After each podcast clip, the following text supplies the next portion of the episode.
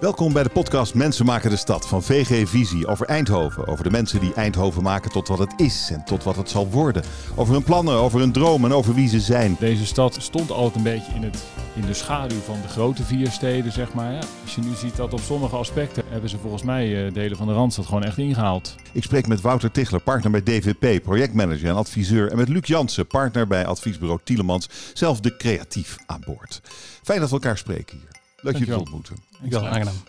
Um, jullie vertegenwoordigen twee aparte bedrijven, maar jullie wilden samen in deze podcast, uh, Luc. Waarom? Nou, we hebben een enorme drive om de projecten gerealiseerd te krijgen. Als wij hier alleen maar dingen op de ontwerptafels hebben liggen, uh, ja, dan, dan realiseer je nooit iets. En dan krijg je ook een naam van, ja, uh, leuke ideeën, maar er komt nooit iets uit. Um, misschien een goed voorbeeld was dat wij samen voor een, voor een attractiepark zijn afgereisd naar, naar München. Een attractiepark.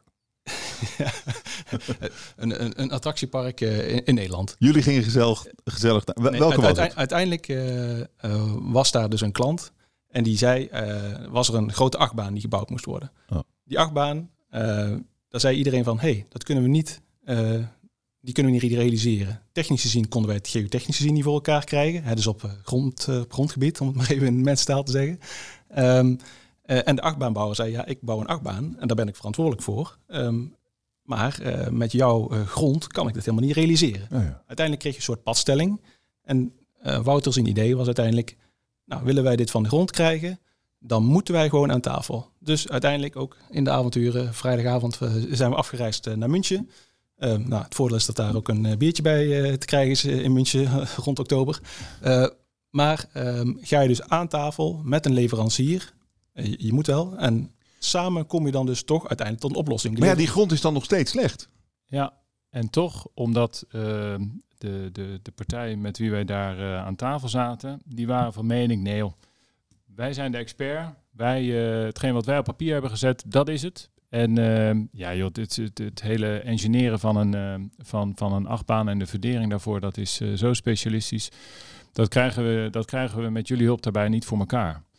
En ik ben ja, ik heb gewoon volgehouden en gezegd, jongens, we moeten, dat, we moeten dat samen doen. Je krijgt het niet los van elkaar. Het zijn geen, op eilandjes kom je niet tot samenwerking. Je moet dat naar elkaar toe brengen.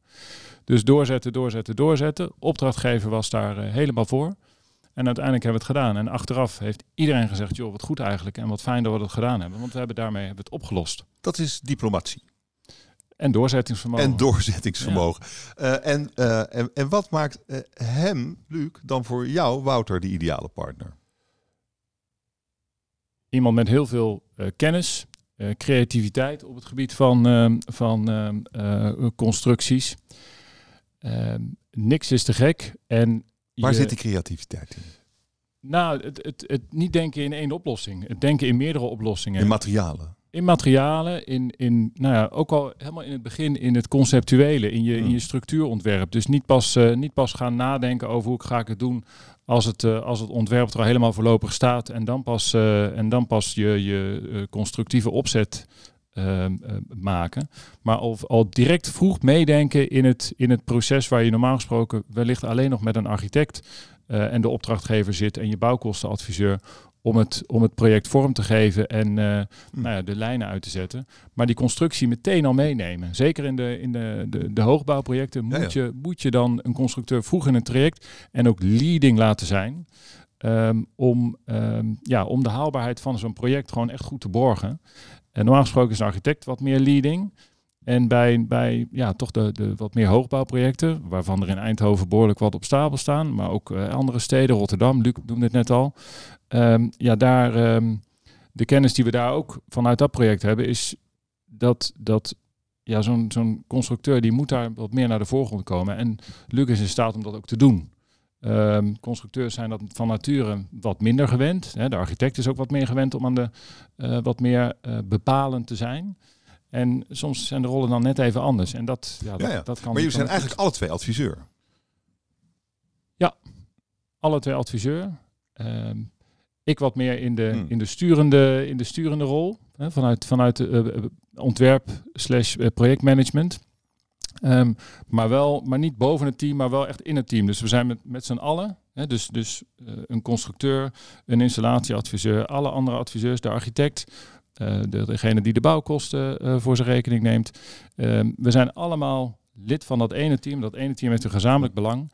En wij adviseren ieder op onze eigen discipline. Adviseren wij, maken wij gezamenlijk het advies voor en het ontwerp voor ehm, de mooie projecten waar we aan. ik wil jullie een paar impertinente vragen stellen om jullie een beetje beter te leren kennen. Geef eerst even antwoord en dan komt daarna de toelichting wel. Uh, ik vraag dus aan jullie beiden. Wat was je grootste fuck-up in 2020? Mag zakelijk zijn, mag ook privé zijn. Wouter. Je grootste fuck-up? ik zie verbijstering. Ja, ik had hem anders, uh, ik had hem anders uh, 2020 had ik niet zo op, terug op terug uh, Nou, mag, mag ook wel wat langer geleden zijn. Nou, toch een project waarbij ik het, de touwtjes te veel heb laten vieren. Welk project was dat? Ehm, een project in een, in een retailomgeving in, in Almere. waarbij, ik, uh, waarbij ik iets te veel de touwtjes okay. heb laten vieren en daardoor de... Ja, ging, Daar komen we op. Luc, wat, wat is jouw grootste fuck-up? Mijn grootste fuck-up dat is, is dat ik ergens niet heb... dat ik dacht dat er iets niet goed was. in, een, in een ontwerp van een van mijn constructeurs natuurlijk.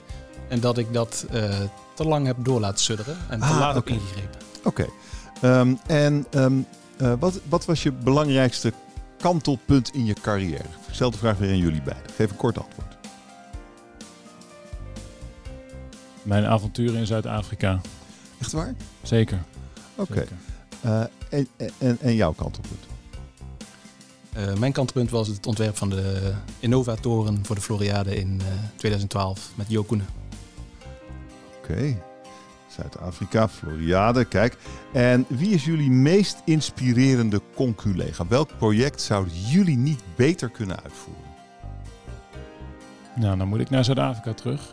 En dat, is, uh, dat zijn ontwikkelingen geweest in het, uh, in het centrum van, uh, van Johannesburg, waarin ja, toch enkele initiatiefnemers met heel veel lef plannen hebben gerealiseerd ter verbetering en herontwikkeling van Johannesburg. Luc? Uh, iets wat ik niet beter kan doen, zijn de werken van, uh, van Calatrava. Dat is natuurlijk een, uh, een architect, maar met constructieve invloeden. Oké, okay. nou, um, la, la, la, we gaan ze even langslopen. Um, Wouter, jij, jij zegt een project waarbij ik de touwtjes te veel heb laten vieren. Ja, vind ik zelf, achteraf terugkijkend. Waarom liet je de touwtjes vieren? uh, verkeerd in, gewoon verkeerd inschatten van, uh, van uh, de partijen die je aan tafel hebt zitten. Ehm, niet dat dat slechte partijen waren, helemaal niet, dat wil ik niet zeggen. Maar op dat moment toch de, de, de inschatting maken dat het, dat het allemaal wel goed kwam. En dit was echt wel in het begin oh, van mijn, van mijn, van mijn werkende bestaan. Daarbij heel snel dus in, ja, had ik in moeten grijpen. Heb ik niet gedaan. Wat kostte dat? Ehm, nou, niet zozeer dat dat geld kostte. Want het had niet te maken met, uh, met bepaalde, met bepaalde uh, deadlines waarna um, er um, opbrengsten uh, binnen zouden moeten komen bij de opdrachtgever. Maar gewoon dat het veel te lang duurde voor een, voor een retailomgeving in operatie, in exploitatie. Um, overlast, ja, hinder voor winkeliers, maar ook gewoon de zorg. Die Lig je daar dan wakker van? Ja uiteindelijk ja, wel. vind ik vervelend. Ja. ja, daar, kun je wel, daar kun je dan wel een beetje een, eh, een steen van in je maag krijgen. Ja. En Luc, bij jou is, heeft, is het een thema, eh, of een variatie op hetzelfde thema eigenlijk? Iets, iets, je dacht, iets zit niet goed en je volgde niet meteen je intuïtie. Je liet het sudderen. Ja, ik liet het sudderen. Wat was het precies? Kun je het zo concreet mogelijk maken? Uh, het uh, was uh, iemand hier intern die zei: Ja, ik heb een probleem. Er zit nog zoveel duizend kilonewton, of ja, zoveel ja. last trek op een fundering. Um, wat niet goed is? En was in principe niet goed. En toen dacht ik, ja, dat is gewoon een rekenfout. Uh, dat zal, en dat gaf hij ook zelf aan. En denk, nou oké, daar gaan we het over hebben. En drie weken door laten sudderen, oh, wow. maar het getal verandert niet. Jij nam hem niet serieus? Nou, uh, misschien nam ik hem niet serieus. Uh, en ja, daarna krijg je natuurlijk ook overreactie. En, en, en, en wat kostte dat? Wat kostte dat? Nou, dat kost hier intern dan heel veel uren en ja. tonnen. Dus, tonnen? Ja, aan extra engineering die je kwijt bent. Wauw. Dus, uh, dat was een dure inschattingsfout. was een dure les, maar daarna krijg je wel dat je niks meer laat liggen. En dus, uh, ja, maar ja. misschien ook wel een overreactie ja. daardoor. Hm. En dan vroeg ik jullie het belangrijkste kantelpunt in jullie carrière. En ehm, dan, dan zeg jij, Wouter, dat was Zuid-Afrika, waar je drie jaar uh, gewerkt Absoluut. en gewoond hebt. Ja, want ik had, ik had natuurlijk uh, na mijn studie direct uh, hier in Nederland, net zoals Luc, een sollicitatie kunnen doen en, en in Nederland aan de slag kunnen gaan. Maar tijdens mijn studie heb ik daar een, een tijd gezeten en ja, het land grijpt je gewoon en het hele continent. Uh, Afrika. En uh, ja, daardoor toch gekeken of ik niet na mijn studie daar eens een tijd kon, uh, kon, gaan, kon gaan wonen en werken. Even met een tussenpoze weer terug naar Nederland, maar daarna met mijn, met mijn vriendin die kant op gegaan. Alles in Nederland verkocht en um, twee tassen, 20 kilo die kant op. Ja, fantastisch. En, maar waarom was het een kantelpunt? Um, omdat dat eigenlijk, vond ik zelf, voor het eerst voor mij echt een soort sprong in het diepe was. samen met, met je partner ja, toch gewoon het avontuur aangaan. En ja, toch het onbekende in. En uh, normaal was ik nooit zo van het onbekende. Ik ben best wel blauw qua persoon, dus ik ga wel voor zekerheden. Um, dus dat was voor mij best wel een, een, een behoorlijke Hoe heeft het je gevormd? Nou, dat ik daardoor wel wat meer lef hmm. heb en wat minder dus voor al die zekerheden ga. En in mijn werk merk ik dat ook wel. Ik, tuurlijk wil je zoveel, zo zeker mogelijk uh, je adviezen geven en je, je projecten doen. Um, en dus ook zo, daarmee zo goed mogelijk uh, um, aan je opdrachtgever kunnen, kunnen communiceren. Maar um, ja, goed, je, je moet bereid zijn om bepaalde risico's te nemen. Zolang je maar wel weet hoe je ze kan, ja. hoe je ze kan beheersen. Uh, Luc, Floriade. Dus de Floriade in 2012 was een ontwerp van, van Jo Koenen, zoals ik zei. en die had een heel complex, een hoge toren gemaakt, maar daarbij een heel complex glazen dak in het ontwerp. Um, nou, en uiteindelijk um, ging die daar volledig voor. Ging Jokuna volledig voor het mooie glazen dak. en waren er duurzaamheidscriteria bij. die het eigenlijk uh, stimuleerden om zo min mogelijk materiaal te gebruiken. Nou, samen, echt in een intiem verband, samen met Koen en met de installatieadviseur, hebben we toen bedacht om een uh, eh, ETV-membraan dak te maken. Dat zijn, is eigenlijk een luchtkussen, hè, bijna zoals een springkussen thuis. Uh, ja, ik heb kleine kinderen. Ehm, en uh, daar blaas je dus lucht in en kun je dus eigenlijk veel grotere overspanningen maken met veel minder materiaal. Um, en, en dat is een ontwerpopgave die heel moeilijk te doorgronden is in complexe vormgeving.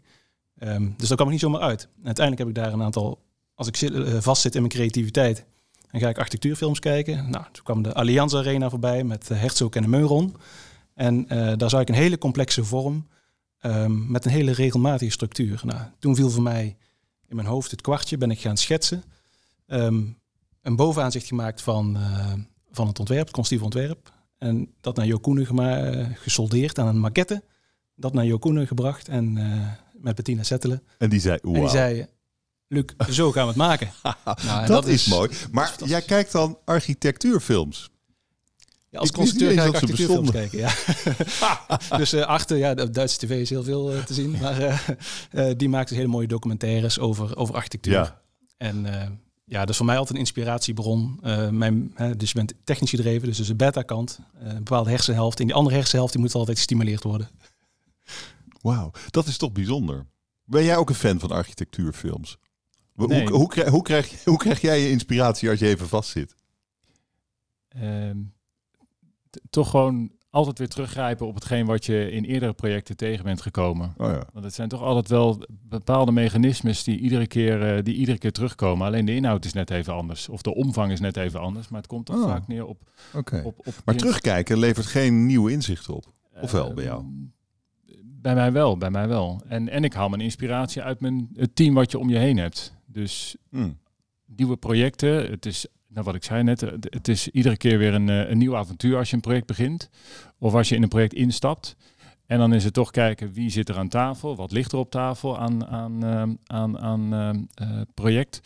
En, en daarmee ga je, het, uh, ga je het avontuur aan. En ja, je inspira ik haal mijn inspiratie dan toch uit de inhoud en de mensen die, je die je dan om je heen hebt in een project. Of ja, toch uit het verleden. Van joh, maar als, we, uh, als ik het toen zo in Afrika, bijvoorbeeld in Afrika gedaan heb, waarom zou ik het dan ook niet in Nederland op die manier kunnen? Ja, het is wel een belangrijk verschil tussen jullie, denk ik.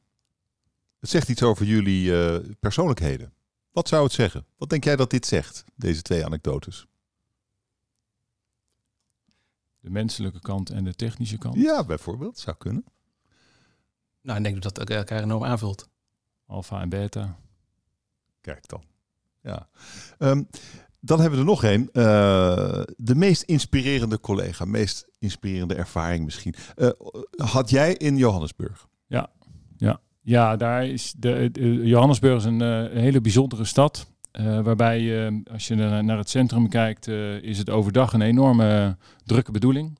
Het is het niet voor niets het CBD, Central Business District, met daaromheen wel wat residentieels. Maar het is, um, het is uh, s'avonds uh, is het eigenlijk een no-go area, was het. En ja, daar moest natuurlijk wat gebeuren. Het was s'avonds echt daar een spookstad en iedereen leefde in de, in, de, in de buitenwijk, in de suburbs. En dat centrum was vroeger echt één grote hip en happening uh, gebeuren. En um, ja, daar werd ook gewoond. En daar, wordt, daar, daar, ja, toen ik daar uh, in 2004 kwam, werd daar bijna niet meer gewoond. Heel veel leegstand en, en verloedering. En uh, het, was, het was gewoon echt een spookstad, dat centrum. S'avonds dan. Want dan waren alle mensen weg. En ja, uiteindelijk was daar wel de wens vanuit de gemeente ook om daar toch wat mee te doen. Alleen ja, men, men wist niet hoe dat aan te pakken. Uh, het, het, lef, de moed, de, het geld, het was allemaal niet. En uiteindelijk zijn er toch een aantal initiatiefnemers geweest die hebben gezegd, ja, we gaan dat gewoon aanpakken. En dan niet met, met blokjes tegelijk, nee, met hele blokken, stadsblokken tegelijk is, daar, uh, is, dat, is dat aangepakt. Met uh, ja, niet alleen uh, nieuwe herontwikkelde gebouwen, maar ook de hele openbare ruimte daaromheen. En dat vind ik echt, ja, als je daar, als je dan dus ook weer het hebt over doorzetten en dus iets realiseren wat mensen dan eigenlijk niet voor mogelijk houden, dat, daar, dat vind ik heel knap. Ja. Daar ben ik jaloers op. Oké, okay, oké. Okay. En uh, Luc, uh, Calatrava. Ja, Calatrava. Goed? Calatrava. Ja, ja, Santiago Calatrava is dat. Ja, dat is op zich een... Uh, Misschien even uitleggen wie dat is. Santiago Calatrava is een, uh, denk ik, Spaanse architect, uh, maar ook constructeur. En ehm, een constructeur is nog geneigd vanuit zijn beta-kant om tussen twee punten een rechte lijn te trekken. Hè? Van A naar B, kortste weg. Een mooie draagstructuur is gewoon verticale kolom. Santiago Calatrava maakt altijd meer beeldhouwwerken als gebouw. Um, dus de bruggen in de Hoge Vaart bijvoorbeeld zijn van hem, maar ook uh, in um, Valencia staat bijvoorbeeld een heel uh, groot stedenbekundig plan uh, met hem. Um, een fantastisch gebouw met allemaal gekromde daken, meer als een soort skeletten overeind gezet zijn. En dan zie je ook heel erg de natuur terug, een boogwerking. En dat vind je mooi? Ja, ik vind het fantastisch, maar het is natuurlijk... Uh, A, dat kan jij niet. Nou, uh, ik denk dat ik dat wel kan, maar uh, oh, ik, vind was, het, ik vind het onover, onovertroffen ja? dat iemand het bedenkt en het ook gerealiseerd ja. krijgt. Hij moet ook zijn klanten vinden die dat willen, want het is niet de goedkoopste manier van bouwen, die dat willen maken. Oké. Okay. Um, en dat is eigenlijk, jij vindt dus je bent een constructeur, toch? Ik ben zeker een constructeur. Eh, maar je denkt in uh, beelden en de persoon die je het meest bewondert is een architect en constructeur, maar toch ook een architect. Ja, dus dat zegt heel veel over mij. Uh, ik kijk dus heel veel naar architectuur. Um, en daarom zijn er ook heel veel mogelijkheden, omdat je... Um, ik, ik, ben, of ja, ik denk dat ik goed in staat ben om de mechanica en de fysica achter gebouwen te zien. Maar er zijn dus ook altijd nog uh, 300 andere mogelijkheden om naar de rechte lijn, om af te wijken van de rechte lijn van A naar B. Ja, ja. En maar dat is dan altijd in, uh, als gevolg van de gedachte van een architect. Ja, een dat architect, is, doet, een architect is een baas altijd veel beter dan, dan ik in architectuur. Ja, maar is dat echt zo? Ja, dat is echt zo. Heb je het wel eens geprobeerd? Ja, tijdens mijn studie wist ik al vrij snel dat ik uh, geen architect was. Oké. Okay. Um, terwijl het je nu dus heel erg helpt. Ja, het helpt me enorm. En uh, ik denk ook dat hmm. architecten dat wel zien. Uh, dat ze zeggen, hey, uh, niet direct uh, alleen, maar, alleen maar rechte lijnen. er komt ook iets heel creatiefs uit. Ja. Nou ja, Tielemans doet heel veel in Eindhoven. Hè? Domus Dela, Blok 59, nog allerlei andere projecten. Maar ook de, de Efteling, waar jullie misschien ook iets delen. Want volgens mij heb jij ook heel lang voor de Efteling gewerkt, Wouter. Ja. ja. Um, de, de, maar laten we even bij Tielemans blijven. En Eindhoven. Uh, is Tielemans typisch Eindhoven? Tielemans, uh, uh, de oude meneer Tielemans, zoals ik hem altijd noem, Frans Tielemans, die heeft dit bedrijf opgericht, een jaar of ruim 60 jaar geleden. Um, vervolgens heeft zijn zoon met twee compagnons dit, jaar, dit bedrijf een jaar of 25 ook geleid. Um, en sinds 2012 ben ik samen met Marcel Meulendijks, mijn compagnon, hier ingestroomd. Um, dus het het, Eindhoven, het ademt echt Eindhoven. En ja, ook hier in Tongeren, waar ons bedrijf gevestigd is, ja, heeft Tielemans ook vastgoed ontwikkeld zelf. niet als adviesbureau, maar de familie. Mm. Ehm, mhm. Dus ja, uh, van oudsher al. Jullie zijn echt Eindhoven. Echt Eindhoven. Ja. Uh, het, DVP, Wouter, is niet zo echt Eindhoven, toch? Nee, wij zijn gevestigd in Den Haag. Ja, ook mooi. Zeker mooi, zeker mooi. Maar wat vind jij fascinerend aan Eindhoven? Fascinerend aan Eindhoven is ehm, ja, toch wat Luc in het begin ook zei, die, uh, die combinatie van techniek, design en kennis. Met al zijn uh, bedrijven hier, zoals ASML, uh, Van der Landen, VDL, ehm, Philips. ja, alles, alles komt hier, komt hier, komt hier samen. En ja, deze stad staat, stond altijd een beetje in, het, in de schaduw van de grote vier steden, zeg maar. Ja, het was natuurlijk een verschrikkelijke stad. Dat was niet eens zo heel lang geleden. Ja, maar als je nu ziet dat op sommige aspecten hebben ze volgens mij, uh, hebben ze volgens mij uh, delen van de Randstad gewoon echt ingehaald. Ja, er zijn die prachtige dingen zoveel, gebeurd. En er zit zoveel potentie verder hier. Nog steeds. Als je ziet, als je ziet wat waar, waar, waar, zie jij potentie? Nou ja, ze hebben, net zoals Rotterdam, hebben ze een bepaalde geschiedenis natuurlijk gehad met, uh, uh, in, de, in de oorlog. Ze zijn behoorlijk uh, gebombardeerd ook. Dus daar zit een bepaalde, bepaalde parallel in ook. Dat je, wat je nu ziet in, in Rotterdam, dat overal allerlei nieuwe ontwikkelingen daar gerealiseerd worden. Ja, in, in Eindhoven komt dat ook. Ze hebben niet voor niets nu net een, eh, een, eh, die verdichtingsvisie van de binnenstad uh, goedgekeurd. Ja, daar komt, en met dat masterplan van MWRDV, daar komt nu gewoon heel veel aan. En ehm, zoveel initiatiefnemers zijn hier met, met allerlei, allerlei plannen bezig in, in wording, dus echt planontwikkeling, of ook al in, in realisatie. Nog even over die Efteling, want je, je hebt heel lang bij die Efteling gewerkt. Althans voor de Efteling gewerkt. Ja, ja. Wat deed je daar dan? Ehm, het, het, ook projectmanagement en uh, het begeleiden van, uh, van projecten. Um, dat, dat, is een attractie geweest. Ja, absoluut, absoluut. Als je het dan over creativiteit hebt en dat dan, ja. en dat dan goed begeleiden. Is dat eh, lastiger? Dat is wel lastiger, ja. Waarom?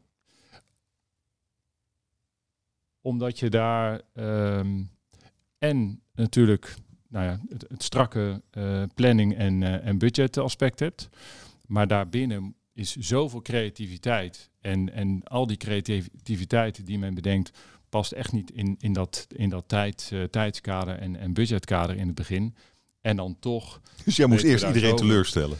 Ja, ik ben nooit zo. Ik ben nooit zo degene die daar met de goede boodschappen aan tafel zit. Dit kan niet. Nee, alleen de opdrachtgever, hè, de opdrachtgevers uh, uh, voor wie we daar intern uh, werken, die, die vinden dat juist wel fijn. En die weten toch wel dat al die creativiteit er op een gegeven moment toch wel in komt. Um, laatste, laatste project daar is, wat, ik, wat ik daar heb mogen doen, is Symbolica. Ja, dan heb je het over een, een dark ride met allemaal scènes. En al die scènes zijn allemaal kleine subprojectjes. En al die projectjes moeten allemaal nou, dat, diezelfde uh, impact, diezelfde creativiteit, diezelfde beleving hebben. En ja, daar wil, je, wil ze dat ook, je wil dat ook mogelijk maken. Uh, en niet alleen maar in, in beperkingen denken, maar ook nou, de ruimte geven om de creativiteit uh, dan maar even de, de vrije loop te laten. En op een gegeven moment dan ook zeggen van ja, nu houdt het op. En dan heeft men gelukkig ook het vertrouwen uh, dat, dat ja, als we aangeven, joh, nu is echt nu ben je echt op het maximum. Hiermee moeten we verder. Dan, dan, dan zegt men ook van nou, prima, dan gaan we daar dan ook mee verder. Maar dat is wel, is wel, het lijkt me wel verschrikkelijk lastig. Jij zit en ja, moet binnen tijd en binnen budget. Ja. En je ziet dat het fout gaat. En dan al die arme creatievelingen met hun prachtige ideeën. Ja, ja. mag niet van Wouter. Ja, mag niet van Wouter. Ja, ja. En dan zeggen ze, ja, daar zie je, zien we Wouter weer, uh, zien we Wouter weer kijken. Uh, het gaat vast weer over geld. Ehm, maar ik probeer daar toch altijd weer een positieve draai aan te geven. Ja, jongens, eh, daarmee daag ik ze ook uit. En daarmee is die Efteling ook creatief. Dat ze toch binnen die, ik wil niet zeggen beperkte middelen, maar gewoon binnen het beschikbare uh, budget, toch gewoon echt het maximale uh, weten te realiseren. Nou, dat is natuurlijk jouw bijdrage. Want als je het niet doet, dan gebeurt er nou even wat en daarna niks meer. Ja, en, en als je het niet doet, dan laat je het weer los. En dan vliegt het helemaal uit de bocht. En dan op een gegeven moment kun je, ben je zo ver afgeweken van je, van, je, van je marsroute dat je dan ook de boel niet meer terugkrijgt. Hey, wat gaan jullie samen doen in, uh, in Eindhoven, Luc? We hebben nu nog geen concrete plannen, denk ik. Uh, nou, dat kunnen we nu even bedenken dan. Nee, Die gaan we er is genoeg te doen. Er zijn uh, heel veel mooie ontwikkelingen. Dus uh, er zijn heel veel, heel veel mooie, mooie torens uh, die gebouwd gaan worden. Ja, bedenk eens wat. wat. Wat wil je doen? Jullie hebben al zoveel gedaan. Je hebt zoveel hartstikke mooie dingen gedaan in Eindhoven. Je, en er is nog zoveel. Er is een enorme woningvraag. het verdichtingsplan hebben, hebben we het over. er is nog zoveel terrein waar wat mee kan gebeuren. Waar heb je zin in? Juist, nou, ik zou Kijk, de Randstad kijkt altijd naar echt in, in, in de hoogte gaan. Ja, in Eindhoven hebben we wel hoge gebouwen. Maar daar houdt het op bij een meter of, moet ik even liegen wat de hoogste is, maar een meter of 80 denk ik dat het ongeveer zal zijn. Um, nou, echt hoog. ja, bij het station um, ja, staan natuurlijk drie torens. Ja, die doen wij dan helaas niet, maar daar ben ik dan wel jaloers op. had ik graag gemaakt. Um, maar uh, de hele knoop XL. Wat maar torens, torens spreken wel tot mijn verbeelding ook. Want je kan tegenwoordig natuurlijk hartstikke hoog. Je mag ook hartstikke hoog. Wat zou je willen? 200 meter. Waarom niet? Ja, 200 meter of uh, nog wel hoger, 300 meter. Maar goed, kijk, uiteindelijk heb je nooit lang. 300, waar zou. Oké, maar is dit. Wouter, is dit serieus? Zou dit serieus kunnen zijn, deze gedachte? Het zou kunnen. Misschien voor Eindhoven nog niet, omdat we nog wat uh, uh, ja, hoogte te overbruggen hebben vanaf uh, nu plus minus 80, 90 meter naar die 300. Oh, is dat te veel? Ik denk dat ja, als je nu kijkt naar, de, naar hoe er gereageerd wordt op de verdichtingsvisie, op al die hoogbouwplannen, is er nog wel wat angst ja, onder, onder de Eindhovenaren volgens mij van is dit, is dit allemaal wel betaalbaar? Kunnen er inderdaad mensen, de gewone Eindhovense man of vrouw, kan die daar dan, kan die daar dan wonen? Dat is natuurlijk wel waar. Als je een toren van 300 meter wil gaan bouwen, dan wordt het wel een beetje duur. Absoluut. Ja, dat is per vierkante meter toch wel wat duurder dan wanneer je de torentjes uh, bijvoorbeeld onder de 100 meter houdt. Oké, nou hier zie ik meteen jullie samenwerking. Hij zegt doe maar toren van 300, jij zegt dat is te duur. Ja, ik zeg niet dat het te, ik zeg niet meteen dat het te duur is. is. Het is maar, het is maar net voor wie je hem, uh, ja. Wie je hem neerzet. Ja, maar goed, binnen de beperkingen die de opvattingen van Eindhoven geven, zou dat dus niet kunnen. Maar wat zou je wel willen? Nou, wel absoluut een bijdrage leveren aan, aan projecten die er dan nu schetsmatig in, dat, in, die, uh, in die visie staan. En waar droom jij dan van? Ja, daar, daar dan echt een fundamentele bijdrage aan te leveren. Eindverantwoordelijk zijn voor Ehm, voor een dergelijke ontwikkeling, voor zo'n project inderdaad. Dus een, dus een, een complexe uh, binnenstedelijke ontwikkeling, hoogbouw, maar niet alleen aandacht voor de hoogbouw, maar ook die aansluiting op dat maaiveld. Hè, het is natuurlijk, uh, iedereen focust dan op, de, op het gebouw. Hè, architectonisch, uh, bouwvisies, installatietechnisch, alles moet daar goed in zitten. Maar het gaat ook om die omgeving. En dat lees je, dat lees je bij, in een hoogbouwvisie in Rotterdam, maar dat lees je ook in de verdichtingsvisie hier in Eindhoven. Dat, uh, dat daar moet ook aandacht voor zijn. En, uh, maar, maar Den Haag gaat ook heel hoog, Rotterdam gaat heel hoog. Hoog is de trend. En, en wat jij nu zegt, Luc, hoor je wat hij zegt? Hij zegt, het kan misschien wel zo'n grote toren, als je maar voldoende aandacht besteedt en wat je eromheen neerzet. Zodat je, eh, vertaal ik het goed, zodat je ook voor de mensen met een iets krappere beurs toch gewoon mooie dingen kan doen.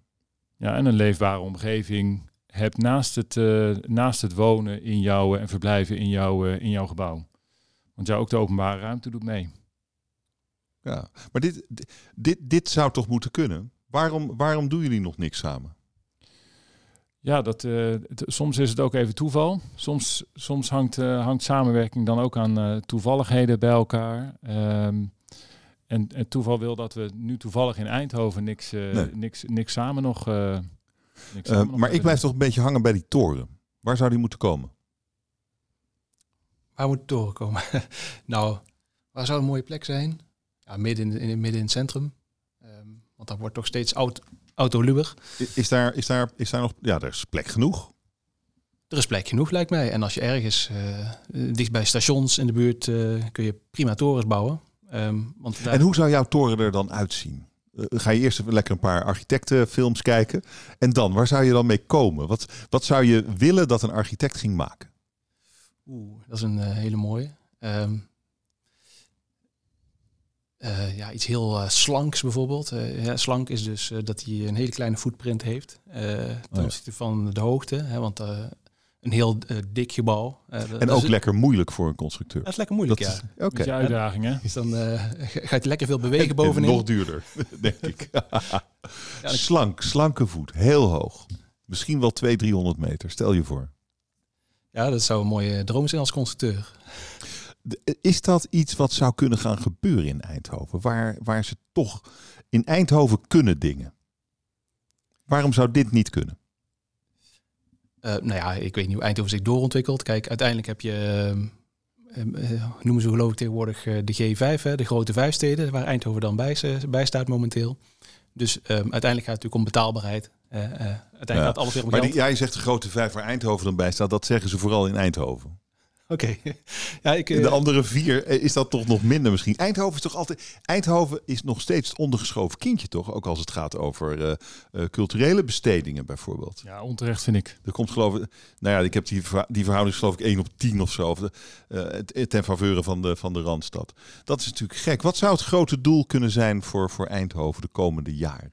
Ja, toch bij zichzelf blijven. En, en ehm, de, ja, ik wil niet zeggen de rest, de rest komt vanzelf. Maar gewoon toch bij zichzelf blijven en de plannen die er dan nu liggen, met zo'n verdichtingsvisie, met eh, het, het, realiseren van, van de woningen die er, uh, ja, natuurlijk in heel Nederland is een woningvraag. Alleen hier is die vraag echt wel extreem. Uh, en, en ja, daar toch gewoon in antwoorden op ehm, dat, je, dat je daar de projecten, daar de, de gebouwen voor gaat neerzetten.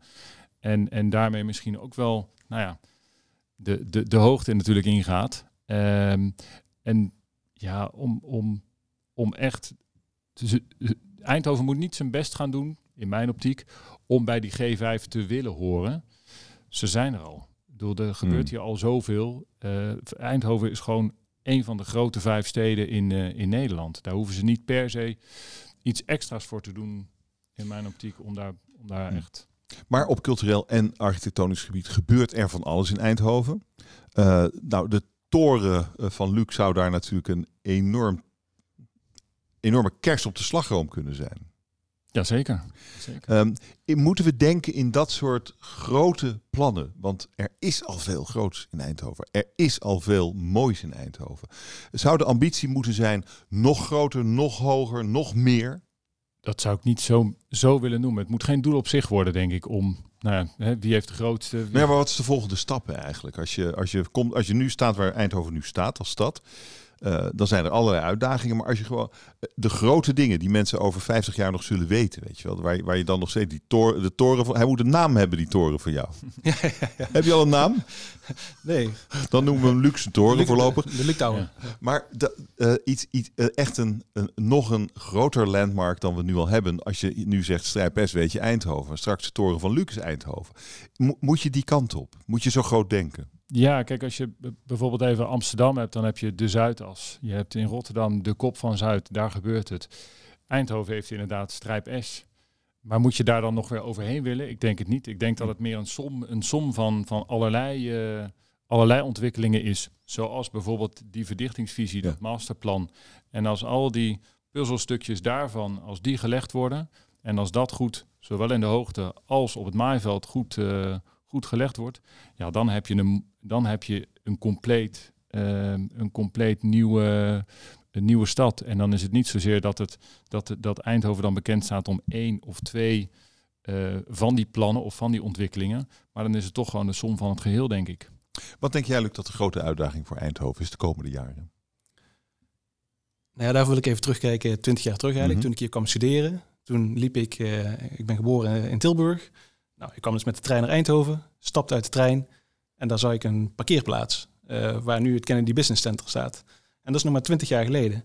Dus als je dan kijkt naar hoe snel die ontwikkelingen gaan en wat er allemaal gerealiseerd is aan, aan torens en aan gewoon überhaupt enorme gebouwen in de stad, maar ook de problemen of ja, gewoon de uitdagingen die daarbij uh, bij horen.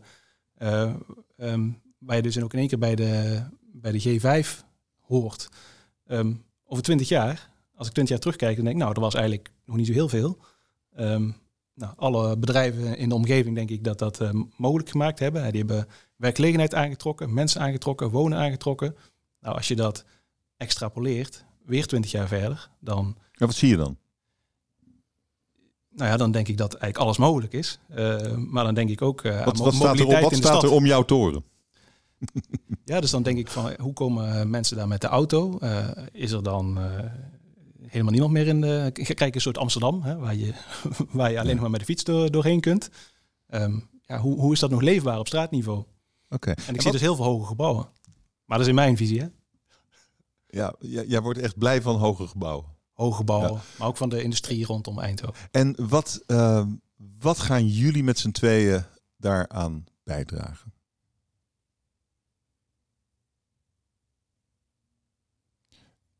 Ja, toch onze specifieke kennis en kunde die we, die we in projecten hebben. Uh, ik enerzijds vanuit mijn rol als uh, projectmanager, als, uh, als begeleider van een, van een ontwerpproces. Of misschien wel het hele, een, hele, een hele ontwikkeling van, van een van die puzzelstukjes waar we het net over hadden. En ik, ja, ik vermoed Luc als constructeur van, een dergelijke, van een dergelijke ontwikkeling. En misschien wel meer. Nou goed, want DVP doet natuurlijk ook briljant grote projecten. Ik bedoel de Rotterdam. Ja. Eh, in Rotterdam. Absoluut. Immens gebouw. Uh, er kunnen waanzinnige dingen gebeuren. Ja, zeker, zeker. Ik wens jullie toe dat ze gaan gebeuren met z'n tweeën. Dank voor dit gesprek. Dank jullie wel. Dank je wel. Dank je wel.